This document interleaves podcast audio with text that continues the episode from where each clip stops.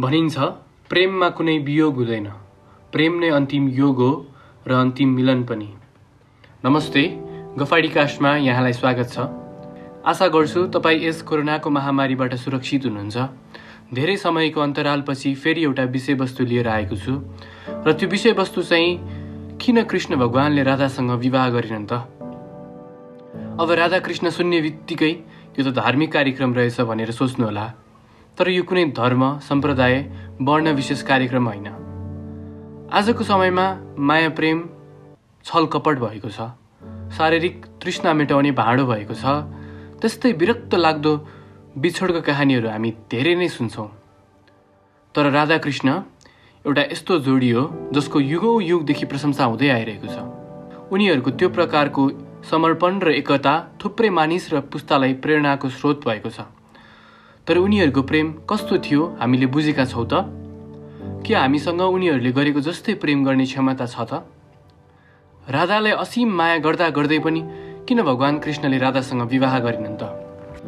खोज्दै र पढ्दै जाँदा यसका थुप्रै कारणहरू भेटिन्छन्। र यी कारणहरू सुरु गर्नुभन्दा अगाडि एउटा कथा सुनाउन चाहन्छु। कथा यसरी सुरु हुन्छ ल सुन है त। एउटा रुखमुनि बसेर भगवान् कृष्ण बाँसुरी बजाएर आनन्द लिइरहनु भएको हुन्छ। होइन अनि त्यो? अनि गोपिनीहरू चाहिँ भगवान् कृष्णको वरिपरि बसिरहेका हुन्छन्। अनि ती गोपिनीहरू चाहिँ सधैँ भगवान् कृष्णले आफूलाई एकदमै माया गरून् भनेर सोच्थे चाहन्थे। भगवान् कृष्णको प्रेममा मन्त्रमुग्ध हुन चाहन्थे। सधैँ भगवान् कृष्णलाई सोध्थे तपाईँले किन राधालाई एकदमै माया गर्नुभएको हामीलाई किन नगर्नु भएको भनेर सोध्थे होइन? तर भगवान् कृष्णले चाहिँ सधैँ हाँसेरै टारिदिनुहुन्थ्यो र र त्यसको केही समयपछि भगवान् कृष्णलाई एकदमै टाउको दुख्छ।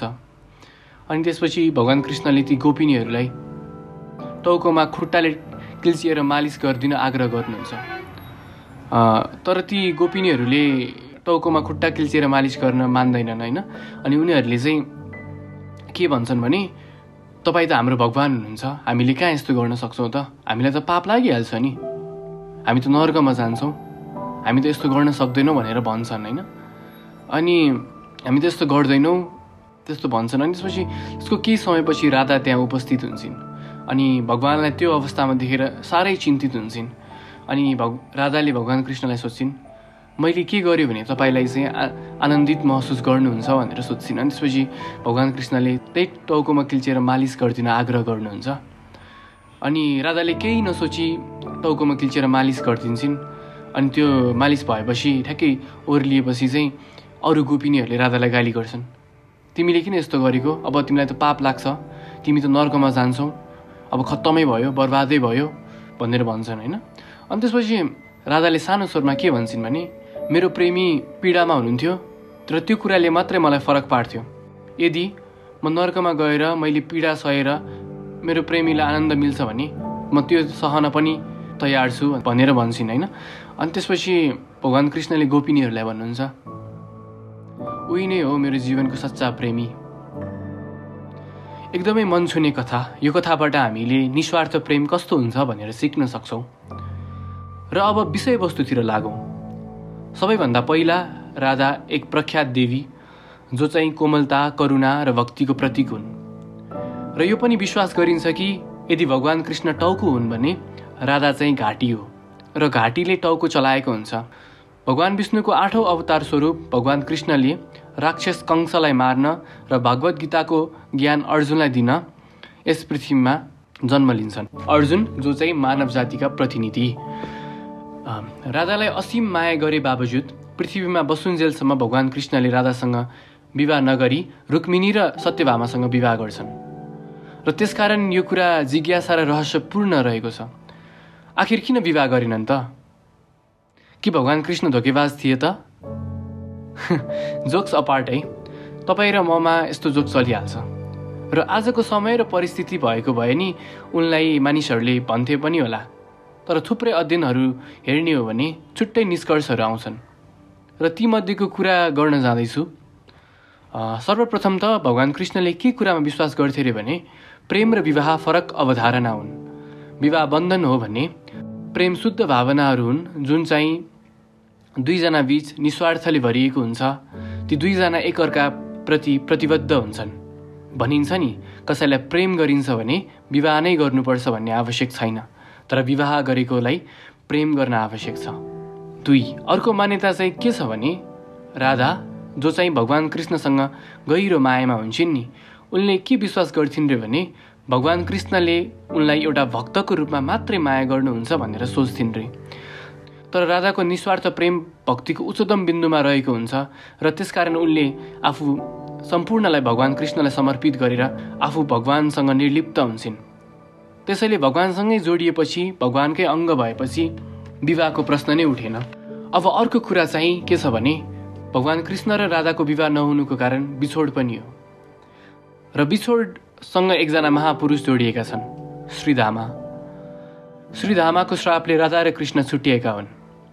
श्रीधामा भगवान् कृष्णको एक साथी र भक्त जसले प्रेमभन्दा ठुलो भक्ति हो भनेर विश्वास गर्थे।